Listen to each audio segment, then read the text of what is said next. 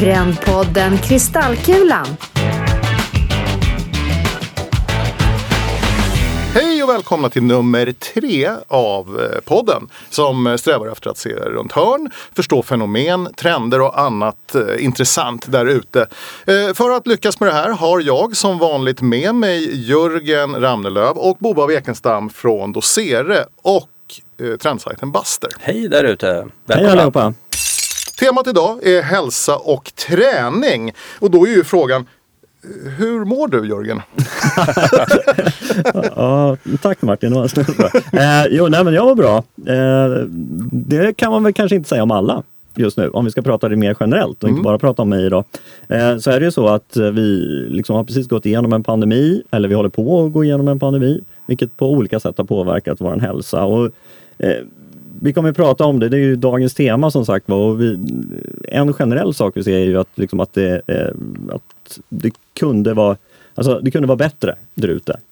Vi har rört oss mindre, vi har ätit lite sämre och sådär. Men rent generellt så är det väl ganska bra, eller hur Bobo? Ja, men eh, enligt Folkhälsomyndigheten så är hälsan i Sverige god. Och ofta mäter man det där med hälsa i ett land i form av medellivslängd. Och i Sverige har vi en ganska bra medellivslängd. Den ligger på 84 för kvinnor och 81 för män i runda slängar.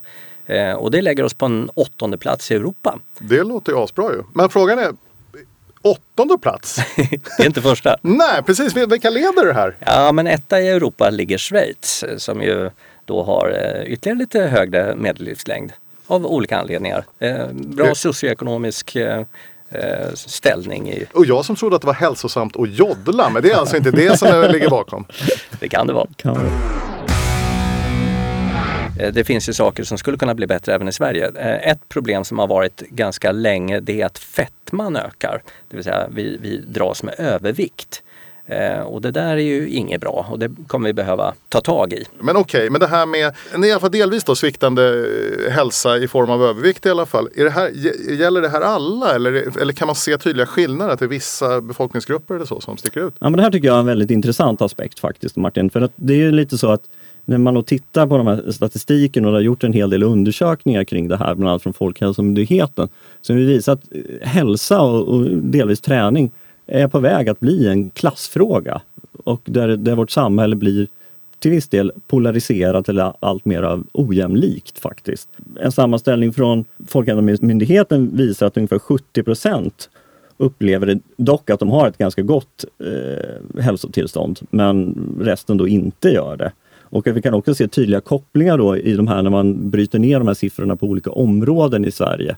Att det faktiskt skiljer sig beroende på hur den här strukturen ser ut, hur mycket lågutbildade det bor där, hur den socioekonomiska situationen ser ut och att det finns en korrelation däremellan. Ju bättre och ju sämre man mår. Och det här har även GIH har gjort en undersökning där man tittat på olika yrkeskategorier, hur deras kondition ser ut under 20 års tid. Och den här siffrorna visar ju att det, det stadigt har blivit sämre. Och man kan också se att det har blivit framförallt sämre i de yrkeskategorier som är dominerade av lågutbildade.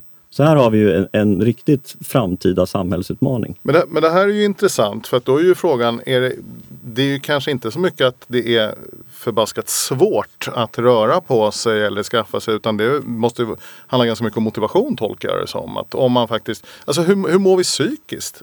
Finns det någon eh, koppling här emellan? Eh, Ja, men den psykiska hälsan eh, kan man nästan kalla ohälsa.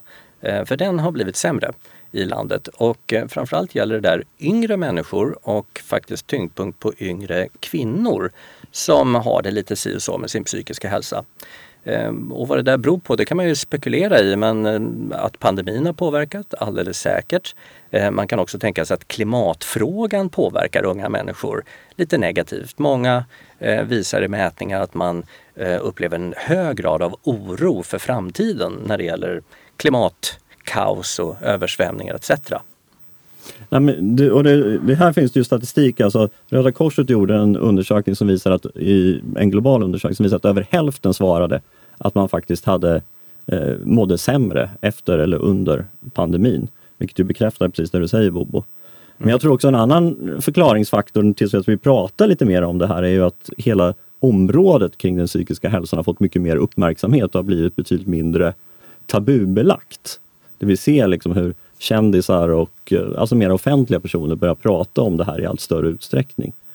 Här finns ju en ganska mm, intressanta exempel, till exempel hon eh, tennisspelaren från Japan, eh, Naomi Osaka, som pratade under OS om liksom, att det här var, det var för tufft för henne. Hon, hon hoppade ju till och med av en turnering för att hon tyckte att det var för jobbigt att spela tennis. Och den där amerikanska gymnasten, vad var hon hette? Ja, hon Simon Biel ja. Just det. ja. Som inte kom till start. Nej. Nej, och en hel del artister också naturligtvis. Och det är väl i och för sig inget nytt fenomen. Men... Och sen har vi hela grunge-scenen i Seattle. Men de var ganska dåliga på att hantera det. De skrev några låtar och sen gick det åt fan. Ja, Ja, ja. men okej. Eh, Så här ska man ju inte skratta åt. Det är allvarliga grejer. Men jag tänker, nej men det kommer ju också någon eh, tv-serie på Netflix va, om en fotbollsspelare, en svensk. Tror jag. Det har skrivits en del om den. Vi kanske ska låta det vara osagt. Men, men är det, ser vi ett paradigmskifte? Är det faktiskt så att man går från att skriva jäkligt deppiga låtar och ta en massa tunga droger och må dåligt i en liten till att man börjar faktiskt börja öppna upp i publika sammanhang och säger så här att okej vi eh, det här vill vi göra någonting åt. Eh, Det här, men att man, sättet man pratar om det. Jag tänker som- eh, Lars Winnerbäck eller Bruce Springsteen nu närmast. Som på något vis faktiskt söker någon form av, av balans och, eh, och vill lyfta frågan och, och göra den Ja, men också att, hemma att kanske. hittar de här aspekterna. Liksom att man, liksom ett, ett lyckligt utåt är inte alltid ett lyckligt inåt. Däremot en bastiljon som står sig, det är ju faktiskt näringslivet där vi inte har sett särskilt många näringslivstoppar komma ut och berätta om sin psykiska ohälsa. Eh, Så där kan man nog fortfarande säga att det finns ett visst tabu. Eh, Och det är kanske inte det första kort man drar att ja, men jag börjar känna mig nästan lite utbränd eller jag mår, jag lider av depression. Det är kanske inte någonting man berättar för sin chef eller eh, ingenting chefen berättar för sina underställda heller. Ja, men det här tror jag är en dörr som kommer att öppnas. Jag, jag tror att det, man kommer att följa efter det här. Det är nog lite vår spaning. Mm. Att det, det kommer att omfatta även näringslivet så småningom. Men det, men det kräver ju en, en, ett helt annat förhållningssätt till hur, vad, vad är framgång och så. Det är ju intressant, absolut. Vi pratar ju om hållbarhet, social hållbarhet, ekologisk hållbarhet, ekonomisk hållbarhet, att allt det här hänger ihop i, i ett större kretsloppstänk. Så att det, det känns logiskt. Samtidigt tänker jag att steget är ganska långt innan en VD går upp och, och pratar om, om det här. Men jag hoppas att vi hamnar där för att det skulle nog hjälpa Absolut. stora grupper av människor Ja. att hitta eh, fram till sundare sätt att förhålla sig till saker och ting. Ja, bara att kunna prata om det skulle nog vara positivt. Okej, men om nu eh, vi ändå får vänta oss att näringslivstopparna inte kommer att börja prata om det här imorgon. Vad kan man göra själv då för att må bättre här och nu? Både psykiskt och fysiskt naturligtvis. Ja, men man kan väl konstatera att det är egentligen fyra områden man behöver ha lite koll på. Det är att man äter rätt typ av kost. Det är att man tränar någorlunda regelbundet. Det är att man sover eh, på ett bra sätt och att man också tänker på den mentala träningen i någon form. Eh, och sen utgår vi naturligtvis från att man inte röker för det eh, förstör allt annat. Eh, Men eh, några små tricks. Andningen har visat sig vara eh, väldigt betydelsefull. Forskning från Stanford visar eh, att det är mer hälsosamt att andas genom näsan än genom munnen. Så faktiskt en av forskningsledarna där tog själv tejp och tejpade igen munnen när han sov. Eh, för att det visar sig att man har- får mycket mer djupsömn när man andas Okej. genom näsan. Och balansen mellan syre och koldioxid eh, blir bättre. Mm. Så att det, det är ett intressant litet tricks. Mycket. Eh, och pauser är också en rekommendation där man har kommit fram till att pauser är viktigare än vad man har trott. Eh, och vad händer när man har paus? Alltså, eh, och, och, och då menar vi inte att man sitter med mobilen eller förstör sig på något annat sätt utan att man verkligen har tråkigt. Jo, det som händer i hjärnan är då att man tänker i framtidstermer. Man börjar fundera på vad ska jag göra härnäst? Eh, underförstått om man inte har pauser så tänker man alldeles för lite på, på framtidsperspektivet. Och det är ju jätte, jätteintressant. Men här tänker jag, då måste jag bryta in. Här har vi ju en jätteutmaning idag när vi pratar om det här med distansarbete och man sitter i, i möte på möte på möte på möte. eh, Där pauserna faktiskt äts upp. Och samtidigt i det här så vill man ha en innovationskultur på företagen som ska tänka på framtiden och utveckla nya saker. Det här går ju inte ihop. Nej det gör det inte. Och dessutom eh, innovation. Alltså, det som också händer när man har paus det är att man blir mer kreativ. Jag hade en, en kompis mamma när jag var yngre som sa ni, ni måste ha tråkigt barn för då kommer ni hitta på nya saker. Och det där gäller inte bara barn utan det gäller vuxna också. Att ha tråkigt föder kreativitet. Och det kan man nog säga i det tempo vi har idag i, i företag och på andra ställen också. Det föder inte kreativitet och det föder Nej. inte framtidstänk. Så att jag, jag har faktiskt själv testat, eh, sen när jag läste på om det här, att eh, när jag har paus så tar jag inte upp mobilen utan jag sitter och bara har tråkigt. Och så har jag testat, stämmer det där att man tänker framtid? Ja, det stämmer. Omedelbart börjar tankarna komma i ett mode där jag tänker på hmm, vad ska jag göra imorgon, nästa vecka och man börjar planera Vad ska jag göra liv. när jag är klar med den här tråkiga grejen? när jag är klar med pausen. Ja. En annan liten kort grej är att, att kopplingen mellan hjärtrytm och ångest och depression är uppenbar. Om man eh, känner ångest så går pulsen upp. Eh, det är ganska välbekant. Men att det är motsatt är eh, inte lika välbekant. Det vill säga om jag kan reglera pulsen, om jag kan känna mina egna hjärtslag och ha lite koll på min egen hjärtrytm, då kan jag ta ner pulsen och därigenom må bättre. Eh, Jag såg ett experiment, de körde upp en tjej i en, en hiss jätte, jättehögt upp, eller ett torn snarare. Och hon var höjdrädd och pulsen steg som från 50 till, till 90.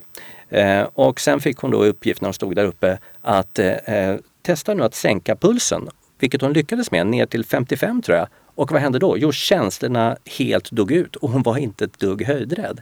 Så att det där är en liten intressant sak ni kan experimentera med där Ja, hemma. men det, det där har jag faktiskt hört om också när det gäller just till exempel samtalsterapi. Att det är precis eh, det det går ut på. Att styra in ett samtal på, åt ett annat håll som gör då att då mäter man framgången i hur mycket pulsen går ner. Då kan man se, få mätbara resultat på en gång att det här fungerar genom att en samtalspartner eh, får ens tankar att röra sig i en annan riktning. Så att naturligtvis, samtala med varandra är bra. Precis, Som vi men, gör här. Men, Ja, men, men, exakt. men det det här säger Martin, det är ju att det räcker med att få ner pulsen. Du behöver inte ta omvägen över ett samtal utan Okej. få ner pulsen. Lyssna Okej. på en podd istället. Då börjar vi nu. Vi konstaterar att vi eh, har blivit lite sämre på att röra oss eh, under pandemin. Ändå finns det ju mm, åtskilliga människor som gör det naturligtvis. Har sättet vi rör oss och tränar på förändrats eh, på något vis? Jo, men det kan vi nog se att, vi, att det har. Eh, däremot så, det här som vi pratade om tidigare också, det här med olika grupper i samhället och sådär. Och det, det, det går igen nu den här bilden när vi tittar på liksom hur folk eh, rör sig och har rört sig de senaste tiden. Att en generell slutsats man kan dra, eller om man ska liksom vara lite generaliserande, är att de människorna som tränade ganska mycket innan, de tränar lika mycket eller mera nu och tvärtom, de som inte tränade innan, de rör sig nu ännu mindre än vad de gjorde tidigare. Så att det här har liksom blivit ännu mer polariserat, vilka de här olika grupperna. Annars kan man eh, säga att när det gäller vad vi tränar och hur vi tränar så är det uppenbart att vi vill träna mer utomhus. Studier visar att eh, över 60% föredrar att träna utomhus. Och vad är skälet till det? Jo, det är naturligtvis att få frisk luft, men framförallt att det är flexibelt. Eh, och förra podden pratade vi om flexitrygg och det här är ju kanske flexitrygg när det gäller träning. Jag går ut och tränar när jag vill. Eh, och när det gäller då utomhusträning så kan man säga att det är promenader som ligger i topp. Eh, följt av löpning och cykling. Eh, och framförallt då promenader i skogen. Och här börjar man prata om skogsbad eller skogsdusch Martin. Har du hört talas om det? Intressant. Någonting som har en lugnande effekt. Det dök upp faktiskt på 70-talet i, i Japan. Eh, där hade man problem att folk dog av utmattningssyndrom. De jobbade för mycket. Det kallas för karochi. Eh, eh, och här har man forskat om det här med skogsbad och konstaterat att att vara ute i skogen det minskar stressen, det minskar aggressiviteten och, och förbättrar depressionssituationen. Eh, det minskar puls och blodtryck och man har också kommit fram till att det är kemiska ämnen från träd som vi- visar sig kunna stärka vårt immunförsvar eh, och öka mängden NK-celler. Och det är inte varuhuset NK utan det står för Natural Killer Cells. Wow, det låter Det intressant. vill man ha. Mm. Har alla, har vi det i våra svenska skogar också? Alltså? De här, eh, vet vi det? Det eh, skulle jag nog säga att vi har. Ja, okej. Så att koda är bra mot stress. Ja, men man kan se japaner som står och kramar träd och, och det är inte av miljö, det är inte miljöaktivister som är trädkramar utan de gör det för att få mer natural killer cells. Okej. Ja, men jag tycker det låter toppen där att, alla, att um, liksom, intresset för utomhusaktiviteter har ökat. Jag menar, det har väl varit en av de stående liksom, mantrarna de senaste åren när man har pratat om att vi sitter inne för mycket. Och det gäller ju inte minst ungdomarna som fastnar framför gärna Och någonting, och någonting superintressant där Jörgen, det är ju att i Kina har man ju infört regler för online gaming för ungdomar under 18 år. De får spela eh, online games max en timme per dag. Eh, och det är för att eh, man ska främja att de kommer ut och rör på sig och gör andra Men det är, alltså, det, är, det är alltså staten som har bestämt? Det är staten som har Så bestämt. fungerar en diktatur. Det, är- nej, men det är intressant eh, att, eh, att man kan lagstifta om sånt, eh, tycker jag. Eh, frågan är om, om, om vi... Ja, det kanske inte är den svenska vägen att lösa det, om man säger så. Däremot så är det en intressant indikator på att eh, det är inte särskilt nyttigt att spela för mycket online-spel. Och, och det är från ett land som ju vill ligga i täten när det gäller teknikutveckling och inte minst gaming. Så att eh, Ja, man undrar vad Tencent tyckte om den där. ja, jag såg börskursen har gått tillbaka. Det kan finnas många anledningar till det. Ja, men okej, men nu har vi pratat om trender inom eh, hälsa och träning. Paddel, mina vänner. Paddel, paddel. Far, farsoten paddel. Ja men bara för, det, det, det har ju inte undgått någon att det har varit en enorm utveckling och, och bara för att ge några siffror. Eh, första banorna dök upp 2003, då var det 43 personer som hade bokat en paddelbana. 2013 var det 13 000 personer och 2020 var det 485 000 personer som hade bokat en paddelbana. Eh, och man beräknar att över en miljon svenskar har provat paddel under 2020 och det fortsätter att öka. 2013 fanns det sju paddelanläggningar och 2020 fanns det över 500 och det, Det är även det fortsätter sjukt. öka. Ja. Så att ehm, ja, det är en farsot om vi vill kalla det för Snarare det. en fluga då, ska man kunna säga. Ja, man kan nog... eh, Man, man Vad är kan, skillnaden mellan farsot och fluga? ja, det kan man fråga. Men, men, Årets träningstrend skulle jag säga. ja. Eh, men att det är en överetablering kan man nog tänka sig. Eller att det kommer att bli en överetablering, en gissning.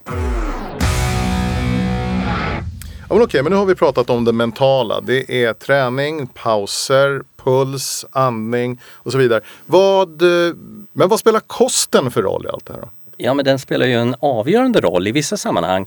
Om man tänker mm, det här problemet vi pratar om med övervikt och eh, eh önskan om att gå ner i vikt. Då är det kosten det handlar om och i princip ingenting annat. Eh, modern forskning visar att ni, ni, ni kan nästan det spelar ingen roll om ni tränar eller inte utan det helt avgörande är vad ni stoppar i er. Ja men förut har det ju varit nästan tvärtom. Man har pratat om att liksom, ja, men så länge du tränar så kan du nästan stoppa i det vad som helst. Och det, det här har ju väl en sanning som nu faktiskt börjar få lite komma på skam nu. Att det är faktiskt inte så utan det finns andra saker som styr. Och här finns det, det kom en bok av en evolutionsantropolog som heter Herman Pontzer för något år sedan som heter Burn. Och han har gjort en jättestor studie runt i världen för att kolla på liksom, men hur, vad finns det för kopplingar mellan eh, vår förbränning och hur mycket vi rör oss. Eh, det vill säga det som på forskarspråk kallas metabolismen. Och han har ju kommit fram till att det spelar faktiskt ganska liten roll för hur mycket, alltså hur mycket man rör sig. För att han har kommit fram till att det, det, kroppen har någon form av inneboende. De, den anpassar sig helt enkelt. Så att oavsett om du är en hårt arbetande jägarstam i Afrika eller en kontorsarbetare i, i, i London så kommer du att förbränna ungefär lika mycket hela tiden oavsett om du tränar eller inte.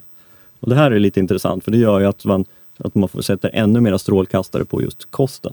Det är den som har betydelse. Mm. Däremot kan man ju säga att, att vad vi ska stoppa i oss, där råder ju väldigt många olika meningar. Det finns alla tänkbara olika kostråd. Det finns LCHF Mm. och det finns medel, eh, vad heter det, medelhavskost och stenålderskost etc. Och där kommer man ju inte riktigt fram till någon lösning vad som är vetenskapligt belagt. Eh, och det verkar också vara så att det som är bra för Martin, det är inte bra för Jörgen och tvärtom. Nej. Så att det, är ett- det är ett ämne som är väldigt svårt att närma sig. Ja, men det, är- det är väl också en av eh, 2000-talets absolut största trender är väl just kostmedvetenhet. Alltså det finns ju, precis som du räknar upp, det finns ju hur många sådana där som helst. Och de bara ändras över tid och det kommer nya och man hoppar på och man hoppar av. Och, så. Och en del blir nästan religiösa Ja. av sina Mm. idéer. Jag har en kompis som är en sån här LCHF-fantast. Honom får man hålla sig en bit ifrån för han kan inte prata om någonting annat än häls- LCHF. Men okej, vart är träningsvärlden på väg på lite längre sikt? Vad är superspaningen?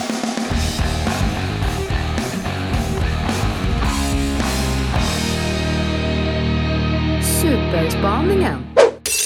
Jo men vår superspaning är att vi, om man, vi ser två lite större trender som vi ser kommer att ha st- stor betydelse på det här området. Och det ena är att vi tror på en, en större helhetssyn när det gäller vår hälsa. Och det andra är att vi ser ett teknikspår, en tekniktrender. När det gäller liksom klockor, sensorer, DNA-tester etc. Det är väl de stora signalerna eller de stora utvecklingarna vi ser. Och när det gäller helhetsbilden så kan man säga att det är de här områdena som vi pratar om. He- eh, kosten, eh, sömnen, träningen och den mentala träningen. Det är de fyra som kommer att samverka och att man eh, behöver bry sig om alla fyra.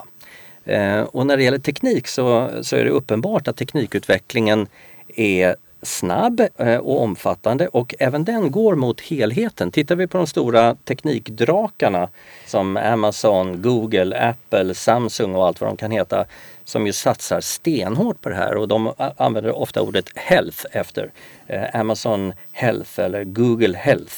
Eh, och alla har vi eh, lite produkter på oss, kanske inte alla men en del har klockor, armband etc. Eh, och Apple Watch är ju intressant, det är ju ganska många som har det på armen och, och där kan man ju konstatera att eh, Apple Watch, det vill säga Apples klockor, säljer fler klockor än hela schweiziska klockindustrin tillsammans. Eh, det vill säga det är ganska många som har de här prylarna på sig. Eh, och det som är intressant är att de eh, tar hand om helheten, de här aktörerna. De tänker på, på allt från sömn till mental hälsa till hur vi tränar. Eh, och om man tittar på IBM som jobbar med kvantdatorer och AI så förutspår de att vi kommer ha en form av cockpit framöver. Eh, en, en typ av överblick där vi ser alla olika värden och vi kan också få projektioner på framtiden. Eh, Det vill säga utifrån att vi tränar på det här sättet eller sover så här mycket så kommer vi om fem eller sju år att må så här. Eh, Så här bra eller så här dåligt. Men det här är ju väldigt, väldigt, väldigt spännande. Det är ju lite grann det som den här eh, Elizabeth Holmes, bedragaren som hade det här företaget Theranos var inne på. Man skulle ta en liten, liten bloddroppe och kunna få svar på hela sitt liv egentligen. Men det som IBM är inne på handlar ju egentligen om det här. Det är bara att du har en, en brödroststorlek hemma i köket som du kan testa varje morgon. Utan det är lite mer avancerat. Så är det och det vi också ser är att sensorer kommer att utvecklas. Eh, Vi har ju redan nu lite sensorer men det kommer komma väldigt mycket mer. Och det skulle förvåna mig om man inte kommer kunna ta blodprov någon gång inom de närmsta tio åren och därigenom kunna få enormt mycket svar kring vår hälsa. Jag tror också att man kommer faktiskt kunna gå vilket spår som jag tycker är intressant, det är att man kommer att gå ett steg längre. Man kommer att gå in på DNA. Det räcker inte med blodet, man, måste, man går in och kollar hur, hur mitt DNA ser ut. Och jag tycker också det är intressant som en kommentar till det du sa Bobo, att man också ser att det finns ju faktiskt ett stort intresse från liksom allmänheten, om vi kallar dem så, svenska folket, att, att just göra den här typen av undersökningar. ICA gjorde en undersökning för några år sedan och där svarade 32 procent att de gärna skulle ha olika typer av mätningar för att få bättre hälsa.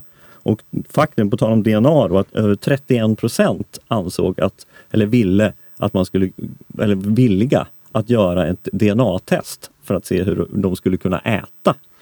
Och det här är ju, det är ju jättespännande. Det, det, vi redan ser vi ju hur andra företag, förutom då Theranos, då, men många andra börjar liksom eh, haka på den här trenden och skapa produkter och tjänster. Det finns ett, ett engelskt företag som heter DNA Nudge som till exempel säljer olika typer av hjälpmedel för att man ska kunna välja rätt mat etc. Och dessutom ser vi att de stora mediebolagen också börjar dras mot hälsoområdet. Eh, Samsung TV har någonting som heter eh, Health eh, där man bjuder på olika typer av träningsprogram och meditationskurser. Eh, och Netflix har en hel del serier som handlar om hälsa så att även mediebolagen satsar på det här området. Och egentligen så vill de bara att vi ska titta mer på TV. är inte det härligt? Man, man, för, man förklär Yes. soffpotatispropaganda i Men träningsskrud. kan, men man kan ju ligga och göra armhävningar samtidigt som man tittar på TV. kan man ju försöka med. Då får man ont i nacken. Det man också kan säga när det gäller framtiden är att vi går mot en individualisering. Så att de här generella råden kommer att bli mer individuella och inte minst när det gäller kosten då, som vi berörde tidigare. Ja men på det temat så tycker jag också den här eh, upptäckten om man säger så som kom, ja, den är väl några, ett gäng år gammal nu, men som fick Nobelpriset 2017. Det här att, eh, att man upptäckte den så kallade cirkadiska rytmen som vi alla har. Alltså att vi, varje levande organism har någon form av inre klocka. Ungefär som Skalmans så, mat, Mat och sovklockan. Ah! Exakt! Bamse gör comeback. Nej, men eh, den, den visar att vi var och en av oss har liksom speciella tidpunkter när det är bra för oss att sova, när det är bra för oss att äta etc. Och det här, eh, enligt dem då, så är källan till liksom välbefinnande att just finna ut sin egen cirkadiska rytm. Men det här är ju, alltså är det någonting man vill ha så är det ju en, en mat och sovklocka, en Yes. sån skal man. Mycket hellre än en Apple Watch kan jag säga, på en gång. Apropå mat och sovklocka så vet jag att Nina på stan har frågat lite folk hur de mäter sin hälsa.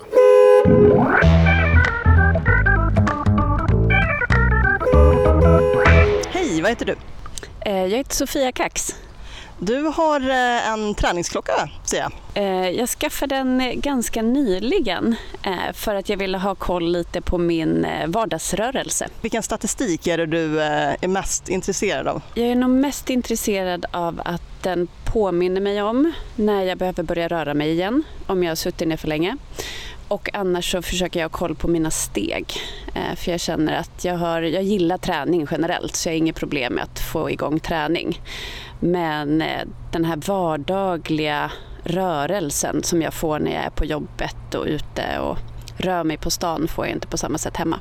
Vad tror du att det finns för risker med det? Det- Det finns en risk om det kan bidra till någon typ av stress eller oro som man inte haft sedan tidigare. På vilket sätt mäter ni er hälsa? Eh, Jag eh, reggar löprunder och håller lite koll på statistiken och så räknar jag steg också. Varför gör du det då? Jag gillar det helt enkelt. Du då, registrerar du din hälsa på något sätt eller mäter den på något sätt? Eh, Jag är nog egentligen ganska olik Kalle här. Jag registrerar min löpning när jag springer och kan bli lite liksom, triggad ibland att mäta steg men det går alltid i perioder. Nu finns det ju väldigt många nya appar som kan mäta allt från sömn och kost och humör och svettningar och sexuella aktiviteter och man kan göra olika typer av självtester och DNA-tester och sånt. Så, mm, vad tycker du om det? Jag tycker det låter rätt jobbigt med så många olika saker. Eller du gav exempel på väldigt mycket. Eh, Jag personligen har gett exempel på att jag använder egentligen jag registrerar rörelse i, i stort sett och det räcker för mig. Eh, sen så kan jag tänka mig att det finns många andra som har ett större behov av att få någon slags självbekräftelse genom att mäta allting. Men jag är inte riktigt där. Det är väl egentligen ingenting för mig. Jag eh, kan tycka att det är jobbigt med när det blir mycket måsten. Jag tycker det är roligare om det är lustfyllt och Ehm, att man kan sporra varandra till att träna och röra på sig och mycket genom jobbet också. Att man liksom pratar om det på jobbet och så blir man inspirerad av sina kollegor och nära vänner och så. Ja men det där var ju intressant tycker jag faktiskt. För att det bekräftar ju lite det vi pratar om. Liksom att det, här, det är fortfarande kvar lite det här med nice to know. Alltså vi, vi vill veta lite grann men vi gör inte så där jättemycket med det egentligen.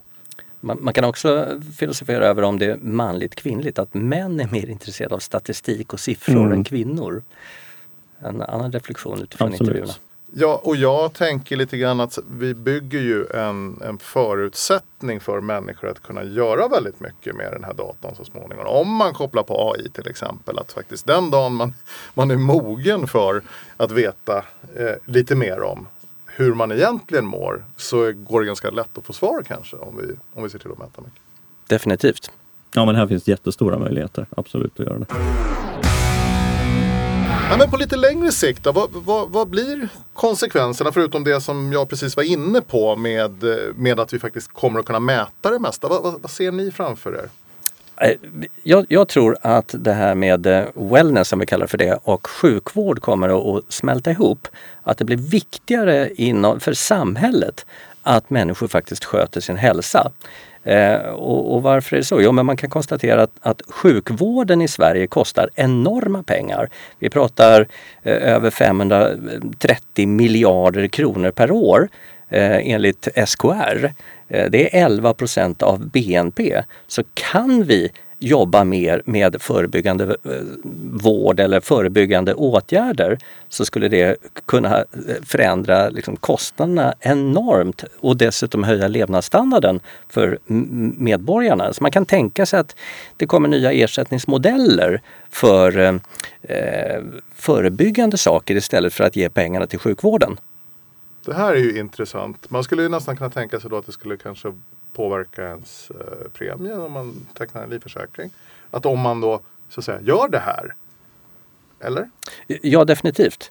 Eh, Det kan man tänka sig. Man kan också tänka sig att, eh, eh, att det blir mer liksom subventionerat att göra hälsokontroller. Att staten kanske subventionerar mm, sensorer åt oss istället för att vi ska vara sjukskrivna och, och hemma från jobbet. Mm, mm. Ja, men, och här tror jag då att vi kommer ha en annan stor puck som vi måste ta, hantera om här i framtiden.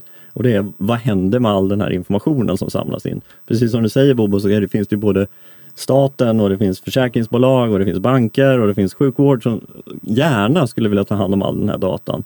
Men det finns ju en, en dark side av det här också när det gäller liksom eh, med övervakning och vem, liksom, hur mycket ska de här företagen egentligen veta om oss? Det tror jag kommer bli en stor, stor diskussionsfråga. Just den etiska aspekten av att hantera det här. Det har ju varit en ganska mycket skandaler genom åren med så att säga, journaler som har hamnat i orätta händer och sådana här saker. Här blir det ju plötsligt en, en helt annan dignitet eller dimension av Jo, men det är ju, alltihopa. liksom, det är ju på anabola steroider. Liksom. Det är ju mångfalt. Liksom. Mycket mera information och mycket mera personlig information än vad det har varit förut. Men, men lägger folk ihop det här? Tycker man så här att, jag menar, eh, så länge man pratar om det inom ramarna för landstinget och svensk rikspolitik, då blir folk högröda och upprörda men man delar gärna information med Google. Ja exakt, ja, men det, det, är, det är väldigt svårt att förstå. Jag menar, hur många svenskar har inte skickat iväg sina DNA-tester till MyHeritage i USA? Som då, där, där både FBI och CIA har liksom röda mattan in för att, för att hämta upp information. Det är nog väldigt få människor som har reflekterat över det. Mm. Ja, men det är inte riktigt utrett det där med etik eh, när det gäller information. Det är ofta väldigt ologiskt tänk skulle jag säga. Alright, på temat hälsa träning. Nu får ni som vanligt varsin minut till en liten minispaning. Först ut, Jörgen Ramnelöv! Yes, och eh, jag har spanat in Fitbit som har då lanserat en helt ny eh, plattform eller verktyg som de kallar för dagsform, apropå det här med helhetstänk. Där har man då, då genom att kunna mäta många av de här olika sakerna som jag pratat om, liksom vad aktivitetsnivå, sömn etc. etc. Och då är det så att man på varje morgon då får man ett personligt score hur man ska göra då. Var, var ligger man till? Vad förväntas det av mig under den här dagen som kommer? Och det här tror jag, det är spännande att se att just att det är just eh, helhetstänket man spinner vidare på. Bobo! Eh, jo, men jag har spannat in eh, biohacking på Tylösand. Tylösands spa som introducerar eh, behandlingen inom biohacking. Man jobbar med eh, det som de kallar modern ljusteknik för att eh, behandla eh, kroppen och sätta igång olika processer som ska stimulera eh, saker för att må bra. Och lite laserbehandlingar eh, för olika typer av saker. Eh, så att eh, jag tycker att eh, även om jag inte har undersökt eh, om det här är pseudovetenskap eller inte så tycker jag att det är intressant att man använder biohacking som begrepp på ett spa. Det är mycket intressant. Nästan lite på gränsen till otäckt kan man tycka. Men jag själv har en, en väldigt liten spaning. Eh, träningsklänningen. Det är inte så att jag planerar att skaffa en sån själv men jag noterat, noterat det som långt hår. fenomen, fenomen. Inte minst under OS i, i somras så såg jag flera av skate-tjejerna faktiskt körde med träningsklänning och det är ju trendbrott om något när det gäller så här street style-mode. Så vi får se var det tar vägen. Eh, det är kanske egentligen är ett annat avsnitt men, men det är en eh, löst kopplat till hälsa träning i alla fall. Annars kan man konstatera att, eh, att ha träningskläder på sig har ju blivit ett högt mode eh, överallt. Överallt ja. Så, så då, är det nästa, då, och då är det nästa nivå. Träningsklänningen.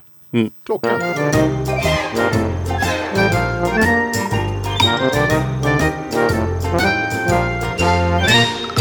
Tidsmaskinen. All right, men då ska vi eh, titta lite grann på trender som kom av sig, eller dog kanske rent av, i fråga om då hälsoträning. Vad, har, ni, har ni något på lager? Ja, men vi kan väl konstatera att det här med att köpa träningsprylar via te- tv-shopping är på väg bort. Ehm, och vi har tittat lite på, på gamla träningsprylar eh, som man då köpte. Till exempel Abtronics eh, kallades en produkt. Det var en sån här elchocka magen så man kunde sitta hemma i soffan och äta chips och samtidigt gå ner i vikt trodde man. Eh, och sen har vi sett Abdominizer. Det är en eh, typ en blå stjärtlapp som man ska sitta på. Eh, och med den eh, stjärtlappens hjälp så gör man perfekta sit-ups och, och tränar mycket, mycket effektivare. eh, och man hade också någonting som kallas för Thigh Master. Eh, det vill ja säga, den kommer man ihåg. ja, du, du, ja, hade du en sån ja, Nej, jag Jörgen? hade ingen sån, men jag kommer ihåg den. Ja precis, det var, man, man skulle sitta och klämma ihop låren för att få fasta och fina lår på en kort eh, tidsenhet. Perfekt, Oj, jag oj, oj, borde oj, oj, oj. Ja, Abdominizer, det är ett fantastiskt namn. Det skulle kunna vara ett ganska obskyrt dödsmetallband från Florida någonstans i min värld. The Abdominizer. Vår vana trogen så avslutar vi programmet med en riktigt obskyr, bortglömd låt som inte har fått den uppmärksamheten förtjänar. Nämligen plockad från den eminenta sajten Forgotify som där man kan söka efter låtar som inte har en endaste lyssning på Men vad har du på lager idag Martin? Idag har jag någonting väldigt intressant. Det, är, det här är valt med omsorg ska jag säga. Eh, mot bakgrund av regeringens nya rekommendationer där man slopar alla de här restriktionerna per den sista september. Vi får se hur det går. Men jag tycker att jag kan inte hitta ett bättre soundtrack än låten Come Out and Play med Hank Davis från 1978. Let's play it. Hey, hey, don't sit in your room. Hey, come on out and play. Hey, we can go to the movies. We can ride our bikes to the park, climb a tree. You and me, we can stay all day. When we find a lake, you can bet that we'll get soaking wet if they let us play. Hey, hey, don't sit in your room. Hey, come on out and play. Hey, we can go to the movies. Ja men det är ju verkligen texten här som är, det, den är ju helt klockren. Jag kommer genast att tänka på den här borde kineserna ha som reklamfilm. Martin, jag brukar vara positiv till dina låtval men det här var en riktig kalkon. Det var en kalkon! Jag tycker det var, det var vald med omsorg. Verkligen. Nej. Positivt budskap. Jag tyckte ni var lite så här, lite skeptiska till förra avsnittets rockpunkrökare här. Men, Den var vi positiva till. Men det här var en riktig downer. men den var ju vald med omsorg. Jag tycker faktiskt att budskapet eh, tar, precis som Jörgen var inne på, överhanden här och det var det jag ville förmedla. Det är också en bra brygga in till nästa avsnitts tema som är, vad säger du Jörgen? Jo men då kommer vi att prata om resande. Framtidens resande är temat då. Det kommer bli galet spännande. Och det har det varit idag också. Galet spännande. Glöm inte att följa oss på Facebook, eh, Trendpodden Kristallkulan, på doserie.se, på Buster.se och på Eventyr.se. Vi hörs snart igen! Hej då! Hej då! Träna på nu till nästa gång. Trendpodden Kristallkulan. En produktion av Eventyr i samarbete med Dosere och Buster.se. Ah. Intressant. Läckert. Bra tänkt där.